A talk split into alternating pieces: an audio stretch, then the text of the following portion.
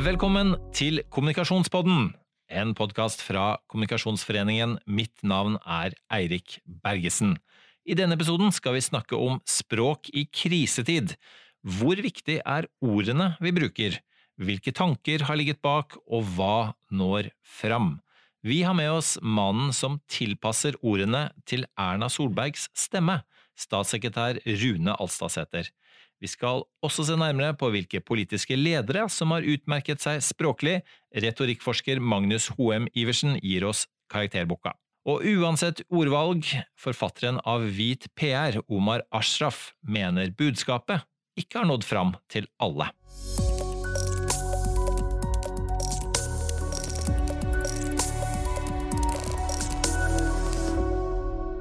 Vi har med oss statssekretær for pressesaker ved Statsministerens kontor, Rune Alstadsæter. Velkommen, Rune. Takk for at jeg får komme. Det er spesielt hyggelig å ha deg her, fordi jeg vet at du er en veldig veldig opptatt mann. Fordi du sitter og ja, Vi kalte det at du tilpasser ordene til Erna Solbergs stemme, som også heter statssekretær for pressesaker. Eh, hva bruker du selv? Mm, jeg bruker aldri tittel på meg selv, og jeg hørte at du måtte øve på å si tittel og, og arbeidssted før du, du tok det. liksom. Det var ikke første take. Ja, men, eh, men, eh, på hjemmebane så har barna de siste ukene tullet med en avis som skrev feil for noen uker siden da jeg ble, ble syk, og da sto det at Ernas høyre hånd var koronasmittet. Så på hjemmebane så har jeg vært høyre hånd eh, noen uker nå. Mm. Men, men, altså det er jo den funksjonen, da. Alle skjønner at, at uh, politikere, ledere uh, trenger hjelp til, til tale, talepunkter, uh, og, og, på en måte få fram sin stemme. Hvordan er, hvordan er det i, i krisetider? Å på en måte være den som, som skal hjelpe å finne de ordene som en hel befolkning sitter og hører på. Du bør iallfall kjenne den du jobber for ganske godt, for det er jo ikke nødvendigvis ditt språk, ditt ego, dine tanker som du skal sette ned på papir. Men du må ha et Du bør kjenne øh, den du jobber for såpass godt at språket passer til den personen du skriver for. Eh, I Norge så har vi en av de språkdiskusjonene vi hadde ganske tidlig, det var jo hvilken tone skulle vi legge oss på i koronakommunikasjonen vår. Og vi valgte bort ganske tidlig aggressivt og krigersk språk. Det er en del statsledere som har valgt det språket. Du kjenner Trump godt, men også Macron i Frankrike. Han rettet jo i midten av mars eh, øynene sine gjennom TV-apparatene inn i stuene på millioner av franske hjem, og så dem rett inn i øyeneplet og sa 'vi er i krig'. Så det er mange eh, statsledere som har valgt en, en ganske annen kommunikasjonsform eh, rundt korona. Vi valgte tidlig at det velger vi bort. Det passer ikke den norske diskusjonen. Det skaper ikke tillit til myndighetene, og det passer i alle fall ikke Erna Solberg, som ikke snakker sånn til vanlig. Det ville ikke vært autentisk hvis hun skulle lirt av seg masse krigsmetaforer. Nei, men sant, i en, i en, Noe av det som kjennetegner en krise, eh, er jo nettopp da ting går så utrolig fort at man knapt rekker å sette seg ned og tenke strategisk, som det du skisserer her nå. Altså, når, når, var det dere rett og slett satt dere ned og tok dere tid til å diskutere sånne ting som det er? Eh, ikke krigsmetaforer, ja til eh, dugnadsmetaforer, eh, osv. To ting. altså de diskusjonene om manus er jo kanskje aldri så lange og strategiske som man kanskje i ettertid gir inntrykk av. For det at når du står midt i den krisen, så skjer ting utrolig fort. Det manuset skal være klart hvert øyeblikk, så du, du skriver. Så du bør kjenne personen du skriver for eh, før du setter i gang. Hvis ikke så, så, kan det bli utfordrende. Men jeg ble jo syk sjøl, så jeg satt jo hjemme på kjøkkenbenken da i forkant av Erna skulle holde pressekonferansen hvor, eh, hvor Norge ble stengt ned, som det har blitt sneplet, fortalt om i ettertid. Og Da satt man der og, og, og hadde ringt inn og snakket med folk på kontoret, vi sendte litt manusutkast frem og tilbake. og da, Det var da vi hadde den diskusjonen om aggressivt språk kontra krigsmetaforer. Hvor legger vi oss? Og da valgte vi å lande på den litt eh, avdempede norske Erna-stilen. Mm. Så, så, dere satt litt sånn like dysfunksjonelt som alle, alle andre arbeidsplasser, mm. hver for dere, og, og, diskuterte så viktige ting. Vi måtte se verden gjennom en Mac, vi også, av og til. Ja. Så manuset ble til på, eh, med, bygget på noen prinsipper som vi har snakket om over tid. Eh, for oss så, det, så, er det noen prinsipper som har fulgt oss hele veien. Ja, det, er, og det er jo at I manusene, i uttrykket fra både Erna og Bent og alle de andre, skal vi gi klare beskjeder. Det som sies skal være lett å forstå, og vi må forklare hvorfor vi gjør ting. Så de liksom, testene på, på manuset kan virke, kan virke litt sånn enkle og banale i etterkant, men er ganske operasjonelle når du sitter der med teksten foran deg. Så, eh, så, dere har noen stolper dere har, har gått ut ifra? Vi har det. Eh, men før man, jeg tror at før du går rett på sånn språkdiskusjon, så, så handler det også om at språket eh, brukes jo av personer for å, eh, å si, oppnå noe. Så du må jo også vite, før du begynner å skrive, hva, hva, hvor skal du? Ikke bare begynne å skrive. Så, så, utgangspunktet når vi har begynt med manus, er jo at vi, at vi, har hatt et strategisk mål når vi skal løse koronakrisen. Vi skal, vi skal sette folk og helse først, altså vi skal ha kontroll på smitten. Det, går, altså, det preger alle manus. Vi skal sikre jobben og inntekten til folk, altså vi skal beskytte økonomien. De stolpene har gått gjennom Eh, alle manusene våre, og, vi ha, og, vi klarer ikke å gjøre dette uten at folk som må gjøre jobben, har tillit til myndighetene. Så de punktene har vi brukt eh, en del tid på når vi sjekker manus. Mm. Men Noe av det som har vært eh, spesielt vanskelig i denne krisen, kanskje, er at vi ikke har visst helt hvor vi skal hen. Hva som er, hva som er mm, enden på dette. Og dere har et, et språk som skal leve lenge. På hvilken måte har dere tatt hensyn til det? Ved å være helt åpen om det. Men å være ærlig på at ting kan endre seg.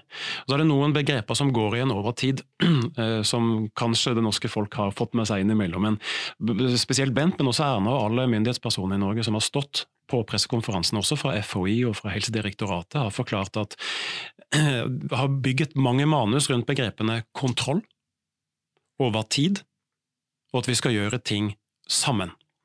Eh, og De eh, begrepene har vi også brukt når det har vært brudd.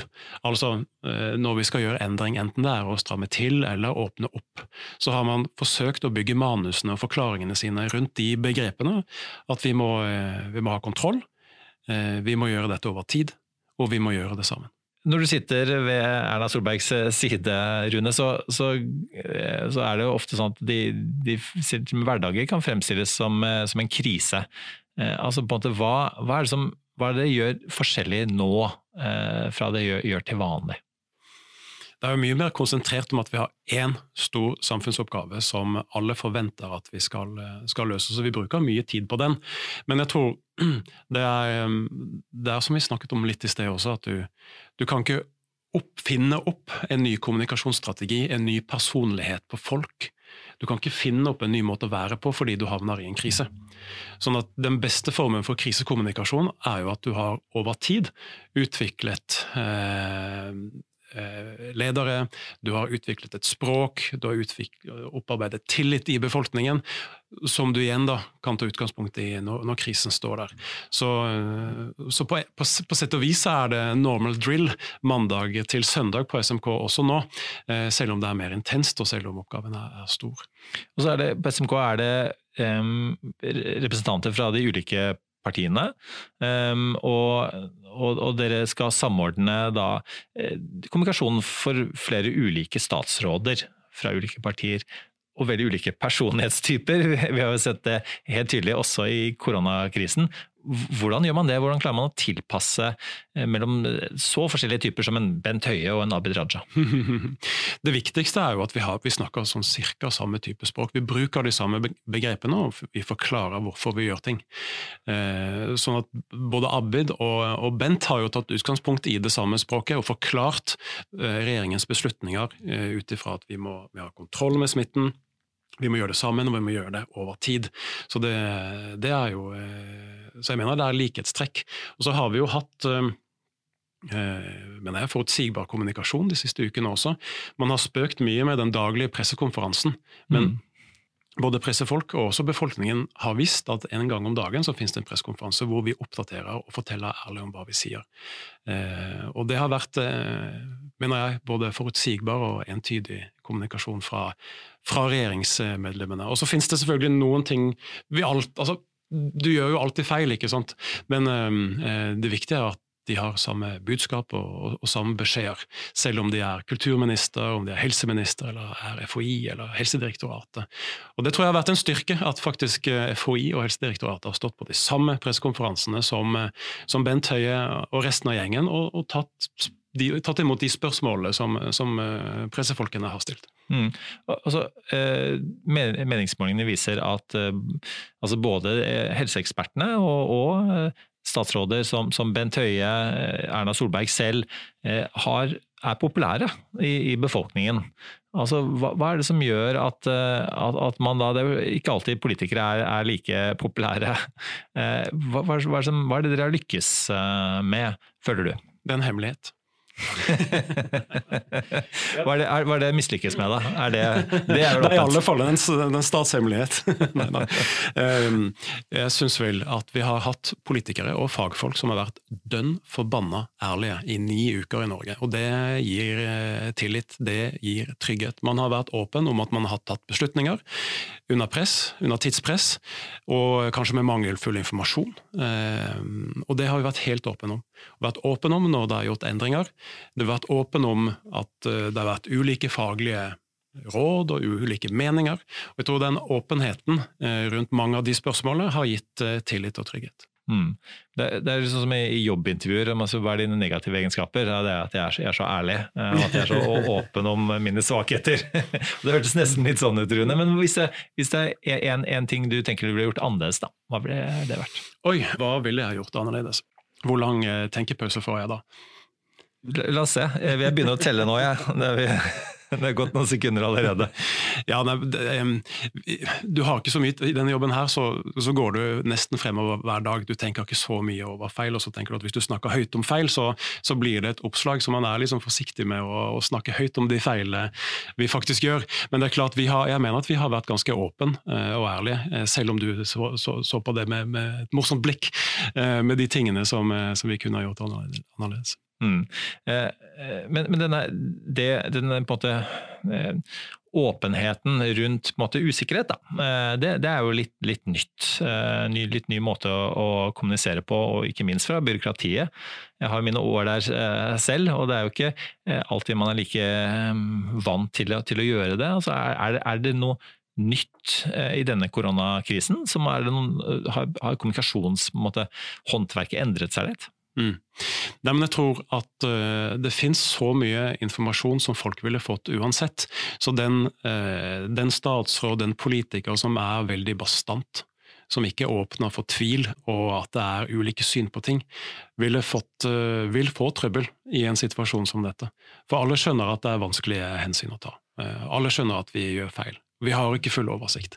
Så hvis du ville prøvd på å ta en spansken og si at du har full kontroll, full oversikt, så eh, Det kunne blitt underholdende. Jeg håper du ikke ville hatt ansvar for et land. Kommunikasjon handler jo om å nå frem eh, til, eh, til, de som, som lytter eh, til den. Og eh, hvilke grupper føler du eh, dere har nådd best fram til, og hvilke føler dere ikke har lyktes like godt med? En spennende trend nå har vært at både Aftenposten, NRK, TV 2 har satset mer på nå barn. Og Vi har forsøkt å stille opp og, og svare på de flatene som mediene har tilbudt barn. Det har vært bra. Det har også vært vanskeligere å nå innvandrerbefolkningen. Det tror jeg vi må være helt åpen på. Så Derfor har vi også prøvd jo underveis å justere det med egne informasjonskampanjer. Men jeg tror informasjonsfolk som meg, vi vet for lite om medieforbruket til innvandrerfolk. I hvilke hvilke medier leser de? Eh, hvor går de for informasjon? Det vet vi rett og slett for lite om, eh, og det et, eh, var en, har vært en utfordring underveis. Så jeg tror neste krise så må vi kunne det bedre, altså, rett og slett. Og, og, og, men krisen er ikke over enda heller. Eh, og et, et annet ord som, eh, som dere har, brukt mye, er, er jo dugnad. Et, et, kjent og kjært eh, begrep som, som har fungert nok bedre i våre omstendigheter enn en krig. Da. Men det er også Er det slitesterkt nok om det kommer en annen bølge og vi holder på utover året, kanskje neste år? Folk, vil folk være med på dugnad? Dugnad er lett å forstå. Og så lenge vi forklarer hvorfor de må være med på dugnaden, så tror jeg vi kan oppnå det. For du har helt rett. Eh, skal vi stå denne eh, pandemien av, så, så, må vi Det kan vare lenge. Det kan vare et år. Vi vet ikke. Eh, men eh, pandemien han, altså Det er jo ikke myndighetene alene som kan løse den. Har du en bankkrise, har du et jordskjelv i et annet land, så er det myndighetene som må ordne opp. Men i en pandemi så må folket bidra for å unngå smittespredning. og Da, da må vi ha denne dugnaden, og det begrepet forstår det norske folk. Men de må, bare få, de må få en forklaring. Vi må klare å forklare hvorfor de skal være med over tid. Mm. For å få kontroll på smitten. Og vi må gjøre det sammen. da fikk du sagt alle nøkkelordene her på slutten, Rune. Tusen takk for at du tok deg tid til å eh, komme til Kommunikasjonspodden. Vi skal straks få retorikerens karakterbok til myndighetene, men først dette. Samfunnsviterne jobber for at medlemmene deres skal ha et godt arbeidsliv. Gunn Elisabeth Myhren, du er generalsekretær i Samfunnsviterne. Hva vil det si å være organisert hos dere? Som medlem hos oss står du ikke alene. Vi fremmer din kompetanse i et arbeidsliv i endring. Uansett hvilken situasjon du befinner deg i, eller hvor du er i din yrkeskarriere, blir hverdagen litt tryggere som medlem i Samfunnsviterne. Og melder du deg inn i dag, så får du gratis medlemskap fram til august. Les mer på samfunnsviterne.no. Visste du at det er personer fra storbyene som oftest kommer til orde i norske riks- og regionsmedier, og at majoriteten av disse representerer Oslo? Visste du at omtrent 40% av kildene tilhører en elite? At to av tre kilder er menn? At personer med innvandrerbakgrunn kun uttaler seg 2 av omtalen? Vil du vite mer om våre studier av medieinnhold, representasjon og pressemeldinger? Ta kontakt i dag. Retriever, din leverandør av medieinnsikt og kommunikasjonsmåling. Vi skal se litt nærmere på myndighetenes krisekommunikasjon og rett og slett lage en liten karakterbok med en retorikers blikk. Og til å hjelpe oss med det har vi med oss Magnus Hoem Iversen, som er postdoktor i strategisk kommunikasjon ved Universitetet i Bergen, og har doktorgrad om politisk retorikk. Velkommen, Magnus. Tusen takk, veldig kjekt. Du sitter i Bergen nå? Jeg gjør det, jeg sitter her i Bergen og koser meg forsker, og det er kanskje? Det er jo det å kose seg, det, for en forsker? Ja, det er mye kjekt å se på nå om dagen, iallfall. Så eh, det er, det er gode tider for eh, kommunikasjonsforskning, om ikke annet. Ja, og, og, og du har jo fulgt eh, koronakommunikasjonen veldig tett. Mm. Hva, hva, hva, er de favorittord for en retoriker i koronakommunikasjon? Det er mye å velge mellom her, men jeg, jeg tror jeg må si hytteskam. Eh, fordi det oppsummerer så presist. Eh, altså skam kan jo være ganske nyttig som sånn sosial funksjon. Og i en tid der eh, man virkelig hadde behov for at folk ikke dro på hytta, så syns jeg det liksom oppsummerte den trusselen om sosial sanksjon ganske bra. da. Men politisk retorikk er vel mye også eh, bruke ord for å oppnå en handling hos, hos folk? Er, på hvilken måte er et ord som skam noe myndighetene bevisst bruker? Nei, det var jo i dette tilfellet så var det vel helst at Høie rykka ut og sa at uh, Han sa vel noe sånn at uh, det, det, må dere ikke gjøre, det er usolidarisk, eller uh, noe i den type ting. Og Samme skjedde jo med hamstring, ikke sant? Hamstring på butikken. det var også liksom å ikke være med i gjengen, og det var usolidarisk og den type ting. Og det er veldig, det er veldig sterke ord fra, fra, ledere, ikke sant. Det er jo enormt sterke på en måte formuleringer, men, men kanskje da kanskje det var riktig situasjon å, å ta fram det arsenalet. Da, på en måte. Skam er jo et ord som har vært med oss en stund på godt og vondt. Vi har fått, et, uh, fått noen nyord også. Kohort. Er det noen som liker og andre som ikke liker? Ja, kohort uh, det er iallfall noe vi kommer til å huske fra denne tiden. her. Altså.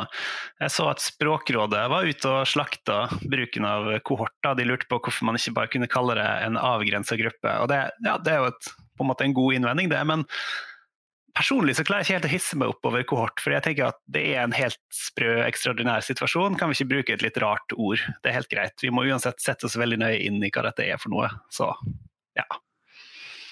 Man husker det i hvert fall. Det er kanskje noe av poenget. Dugnad det er jo et, eh, noe av det flotteste norske ordene som finnes, og er bygd mye brukt av eh, politikere og myndighetspersoner i disse dager. Hva tenker du om det? Nei, dug, Ordet dugnad, begrepet dugnad, eh, handlingen dugnad har vært helt sentral i myndighetenes håndtering av hele krisen. Det, dugnad er på en måte den felles kulturelle tingen vi nordmenn har, som politikerne har appellert til eh, med stor suksess. da. I andre land så appellerer de til andre typer verdier. Eh, men i Norge, når vi møter på trøbbel, så har vi en tendens til å steke vafler og begynne å hjelpe til på en måte, eh, rundt omkring. Så, så, så, det er liksom noe man kan appellere til som, som de aller fleste vil kjenne seg igjen i og være med på. da. Ja, fordi retorikken er ofte mer eh, dramatisk en del andre steder. Eh, F.eks. i USA, hvor eh, Trump er wartime president. Til og med i Sverige har man brukt en del krigsretorikk. Men man har stort sett unngått det i Norge, har man ikke det? Jo, man har det. og Det er jo fordi vi liker å se på oss selv i som et fredelig folk. Som, som vi, altså vi, vi, liker bedre ideen om at vi er fredsmeglere og diplomater og den type ting i at vi skal ha den rollen i verden, og at vi er liksom hyggelige. Og, og er, jeg tror også vi er veldig stolte av at dugnad på en måte er et sånn, litt sånn særnorsk eh, sak. Så når, når, folk ber oss om å være med på dugnad, så, så har vi lett for å, å, være med på det. Altså. Men dette handler jo også om at når politikerne sier at nå skal vi ut på dugnad, eh, så er det jo også en invitasjon. Eh, de forsøker jo også på en måte å skape en identitet i oss. De forsøker å skape slags, eh, et felles mål for den gruppen folk vi er. da. Eh, og det har det jo vist seg veldig effektivt i. da. Men, men, det med krigen er jo noe vi er, vi er stolte av, i den forstand at vi gjenreiser nasjonen etter krigen. Og, og, det er noe Støre har vært inne på. og Erna Solberg har også ikke, ikke helt klart å unngå krigen som bakteppe. Nei, altså hun har ikke nevnt krigen eksplisitt, men eh, du kan si i den første talen hun holdt, den første ordentlige talen hun holdt, eh, 'dette er ikke tiden for jeg, dette er tiden for vi', som liksom er den setninga vi nok kommer til å huske best fra den talen, så nevner hun jo i eh, noen fraser at eh, når friheten vår har vært trua, så har vi ofra alt for hverandre og den type ting. Og det er vanskelig å lese det som noe annet enn en, enn en krigsreferanse. da. Men hvis vi, hvis vi, snakker om eh, Erna Solberg, eh, Magnus, eh, og hvis vi, vi Du skal få slippe å, å, trille terning, men hvis vi skal eh, prøve å skissere en slags karakterbok for myndighetenes krisekommunikasjon, eh, hva er de positive og negative da, som man snakker om i skoleverket? erfaringene som man har gjort seg med Erna Solberg? Elevrådsleder Solberg først, ja. Eh, altså, det er jo ikke noe overraskende at jeg kommer til å si at dette har gått veldig bra. Eh, hun har vært eh, solid og stabil og på en måte gjort det hun skal. Eh, som retoriker så henger jeg meg opp veldig opp i disse talene ikke sant? og disse pressekonferansene. Eh, hun kom litt sånn sent på banen med en ordentlig tale, syns jeg. Eh, men når den først kom, så var den god, da. Og det var jo den vi akkurat snakka om. Den 'Dette er ikke tiden for jeg, dette er tiden for vi'. Eh, og jeg syns at med den teksten av den talen så viser hvor verdifullt dette egentlig er, da, med godt skrevne taler i dramatiske situasjoner. Det har en helt egen verdi. Man forteller folk hva de skal gjøre og hva de skal føle, og det er et behov for, rett og slett, når det er sånne krisesituasjoner. Eh, så det tenker jeg, hvis jeg skal være litt sånn konstruktiv kritikk, så tenker jeg at det kunne jeg gjerne gjort oftere. Eh, men det blir jo litt sånn Kanskje jeg meler min egen kake her. er En retoriker som ønsker seg flere taler, er kanskje ikke så oppsiktsvekkende. Mm. Men vi har, vi, har, vi har, en politiker eh, som, eh, som, også har vært ute og holdt en del taler, men, men som eh, kanskje med litt annen type innlevelse enn Erna Solberg, nemlig Bent Høie, helseministeren. Hva vil du si om han? Nei, altså Bent Høie har skikkelig trådt fram. Han, han, har jo tidligere vært litt sånn altså nøktern og, og rolig taler, for å si det mildt. Men eh, han har liksom ordentlig tatt sats eh, et par ganger her, og holdt ordentlige, eh, altså sånn ordentlige, skikkelige taler med metaforer og følelser og innlevelser i det hele. Det er to ting jeg husker spesielt godt fra Høie sine opptredener. Det ene er da fjellturmetaforen hans, nemlig at vi var kommet til en topp, og vi må ikke glemme at vi skal hjem igjen, da, så vi har mye foran oss og den type ting. Og det andre jeg husker godt, det er den talen han holdt til ungdommen. Eller rettere sagt, han holdt den vel egentlig til ungdommens foreldre, for jeg tror ikke ungdom ser på pressekonferanser med Bent Høie. Eh, men den var jo Ikke sant, den var utypisk for han, eh, men den traff en eller annen nerve der ute blant folk, altså. Men det er noe med Jeg husker jo at eh, kona mi leste den opp for våre ungdommer. Mm. Eh, og da, kanskje hun var mer gråtkvalt enn en de var. Eh, så kanskje er det som du sier at det, det aller viktigste for, for de voksne. Men, men, når dette frem? Altså både Bent Høie og Erna Solberg har henvendt seg til både barn og ungdom, men lytter de til disse talene? Ja, Det er et godt spørsmål. Jeg tror f.eks. det var veldig lurt å ha pressekonferanser for barn. Eh, som også, og, og så har jo også um, både Solberg og andre figurert ofte på altså sånn rett og slett på barne-TV og andre typer sånn Supernytt-kanaler. Og det er jo klassisk kjempelurt å være der målgruppa er. For de ser jo på barne-TV og, og, den type ting. Får de det med seg? Ja, det er ikke helt godt å si. Men, men jeg tenker at hvis primærpublikum er foreldre som så går og leser opp for tenåringen, ja, da har du gjort noe riktig, da. Mm. Men så er det én, selv om nasjonen har forsonet seg en del, så er det én som har klart å være litt polariserende midt oppi det hele. Nemlig mm. en ganske fersk politiker, kulturministeren vår Abid Raja. Hva har du å si om han? Ja, altså Som uh, politiker altså Han har jo sånn fremste kjennetegn sånn helt enorm entusiasme, som kan være kjempesmittsom. Men det er polariserende, som du sier. Det er både bra og dårlig, det her ekstreme tenninga han har på alt han gjør. da. Eh, det er alt etter hvem som eh, ser og hører på. Noen syns at det er smittsomt og fantastisk at han brenner for sakene sine, og sånn, mens andre syns at dette blir altfor mye og bare helt uh, forferdelig. Men så har du dette at han er kjempepersonlig. Altså Alt han sier og gjør, blir jo ofte tolka gjennom hans egen personlighet og hans personlige biografi. da, på en måte. Så ofte hvis man spør han om noe politisk, så kommer det en historie fra oppveksten eller et eller annet minne han har hatt fra en kulturopplevelse. Da.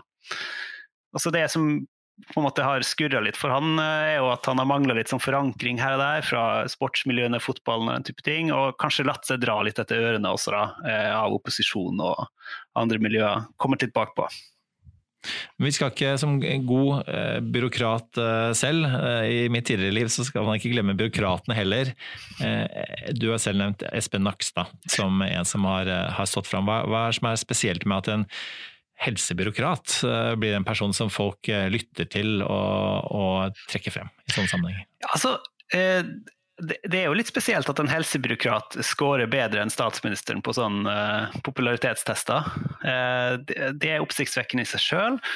Og så er det et eller annet urnorsk her. Altså, Nakstad han er liksom svigermors drømmebyråkrat. Uh, han er på en måte en smart fyr som ikke får deg til å føle deg dum, og de er jo sjeldne. og så er det liksom sånn, Når jeg ser på han, så tenker jeg på de tre på en måte, kriteriene som skal til fra klassisk retorikk da, for om du skal stole på noen. Og det er kompetanse, altså er han flink? Karakter, er han en bra fyr? Og velvilje, altså vil han oss noe godt? Og jeg tenker at han scorer bra på alle disse. Da. Han er liksom flink og folkelig. Og uh, folk har jo virkelig tatt han til seg, da. Og så, og så, gjør han vel én ting som ikke står i så mange kanskje PR-byråers eh, håndbøker, at han eh, innrømmer usikkerhet. Og også, også at han har tatt feil innimellom. Ja. Det er litt, litt, nytt, er det ikke det? Og det er noe som folk responderer bra på. Det, ja, det er akkurat det litt nytt, og folk responderer bra. Men det blir jo en veldig sånn herlig kontrast til, til en mediehverdag med skråsikre politikere, skråsikre kommentatorer, skråsikre um, retorikkeksperter. At noen kommer og innrømmer usikkerhet og at dette er vanskelig. Det er jo bare menneskelig. Alle vet jo at, at ting kan være vanskelig, og at man ikke helt vet. Mm. Du, hvis, vi, hvis, vi litt, eh, hvis, vi, lukker karakterboka og så ser vi litt på um, utviklingen på, i uh, krisekommunikasjonen, da har man kanskje gått litt fra, som du sier, at uh, har vært ganske strenge med folk, og folk har ønsket å være strenge med. Så mm. nå er det litt løsere. Nå slipper man opp på tiltakene, og folk står litt friere. Mm. Uh, hvordan har kommunikasjonen endret seg til den situasjonen vi er i nå? Altså, ja, du har helt rett, da. Eh, og jeg tror eh, det som er Nå er det kjempevanskelig å kommunisere det man vil. Eh, fordi vi har vært eh, på en måte et kollektiv. Vi har vært en, en gruppe eh, folk som har vært samla om dugnad, iallfall stort sett. Eh, nå begynner ting å gå litt bedre, og da begynner individene i oss å tre fram. Altså, vi har våre individuelle behov, våre individuelle ønsker. Jeg har lyst til å dra på hytta, jeg har lyst til å dra og besøke besteforeldre, jeg har lyst til å gjenoppta mitt tidligere liv, jeg har lyst til å trene på treningsstudio. Eh, og vi er rett og slett mer ustyrlige, eh, i ordets rette forstand. Eh, og da å prøve å kommunisere det som de forsøker å kommunisere nå, som er ikke slapp helt av, vi, vi, må fortsatt være forsiktige. Det er rett og slett kjempevanskelig. Det er litt som å arrangere barnebursdag, og så har du akkurat ropt at det er pølser på kjøkkenet. Og så har du lyst til å si én ting til, og det er at alle må ta det med ro og stille seg i kø, men det er altfor sent. Eh, med en gang du sier at det er pølser på kjøkkenet, så er det unger overalt. Og kjøkkenet er allerede fullt av ketsjup og sprøløk og gudene vet hva. Og det er litt sånn jeg tror det oppleves å prøve å kommunisere. Ja, lev livene deres, men ikke helt. Takk for at du var med oss, Magnus. Så får vi se om myndighetene klarer å kommunisere at det ikke er tid for full pølsefest enda, og ja, kanskje bare en liten ventepølse. Det er en gruppe myndighetene ikke har vært flinke nok til å nå ut til, og det er det ganske bred enighet om etter hvert, og det er folk med innvandrerbakgrunn. Um, og vi har med oss på eh, link uh, Omar Ashraf. Velkommen, Omar. Takk skal du ha. Takk for at jeg får være med. Ja, Du er jo eh, rådgiver, eh, kommunikasjonsrådgiver på Nav, eh, og så du, har du også skrevet boka Hvit PR. Eh, så du burde være veldig godt egnet til, og det vet jeg, du er veldig engasjert i dette temaet også, altså hvorfor har ikke myndighetene nådd godt nok frem til folk med innvandrerbakgrunn?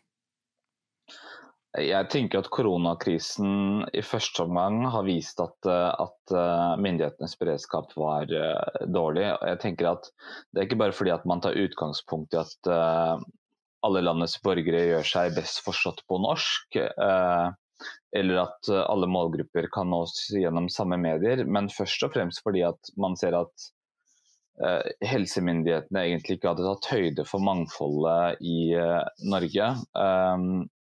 Sannheten er jo at det ikke bare er innvandrere som har mottatt lite informasjon eller mangelfull informasjon under pandemien. Eh, mange funksjonshemmede og eh, kronisk syke har egentlig også uttrykt en form for bekymring for om de vil få nødvendig hjelp og, og assistanse under denne annerledestiden.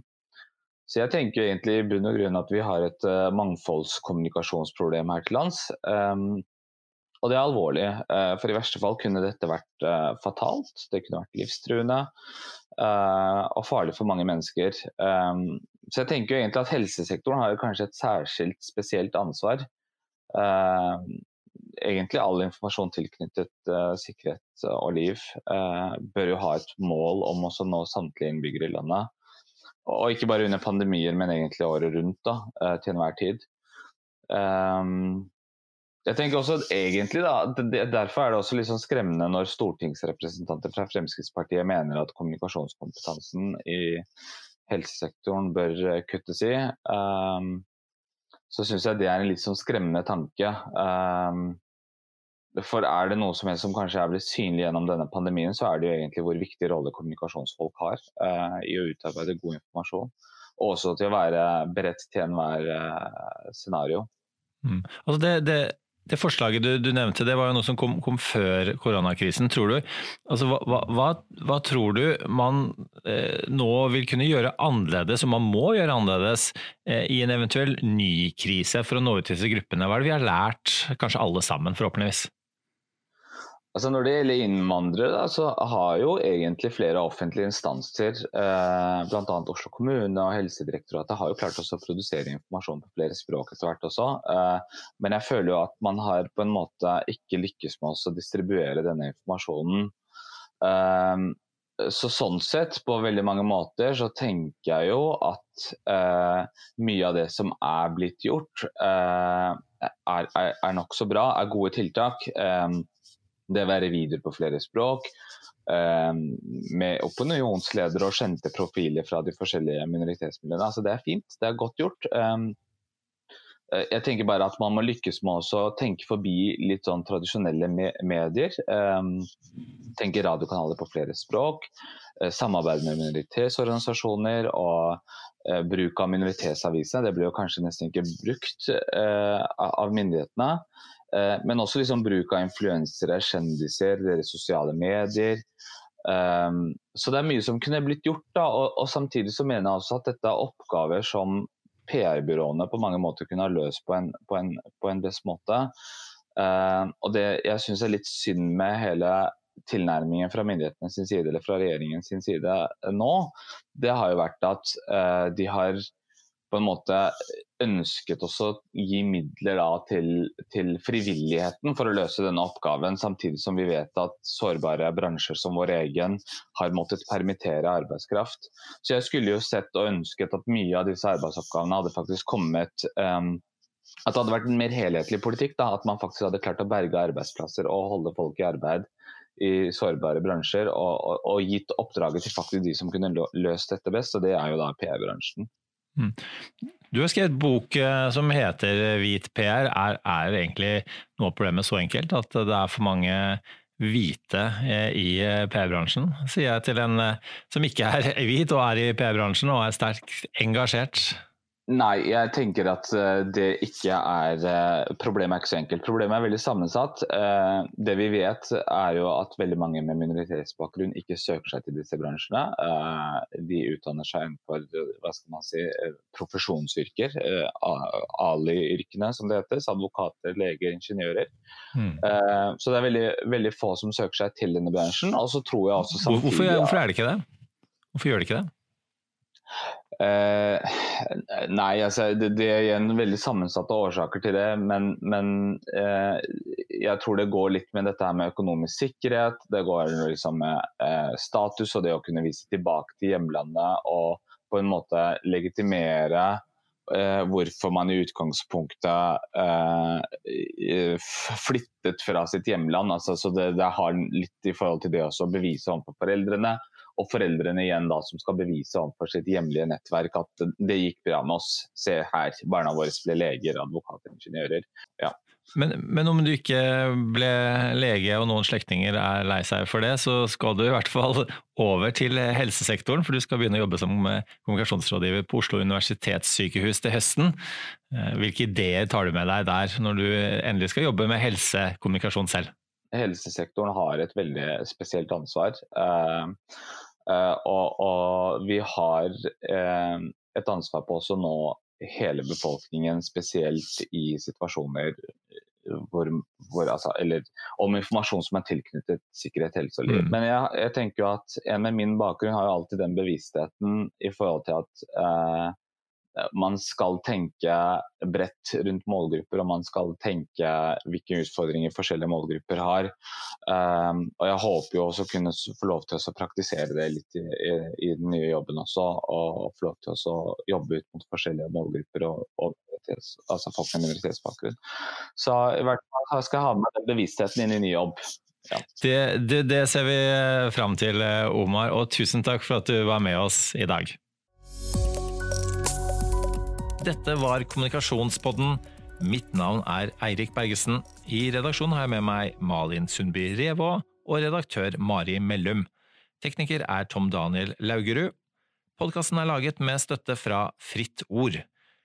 Takk for at du hørte på. Husk å abonnere. Vi høres igjen neste uke. Du har hørt en podkast fra Kommunikasjonsforeningen. Les mer om oss på kommunikasjon.no.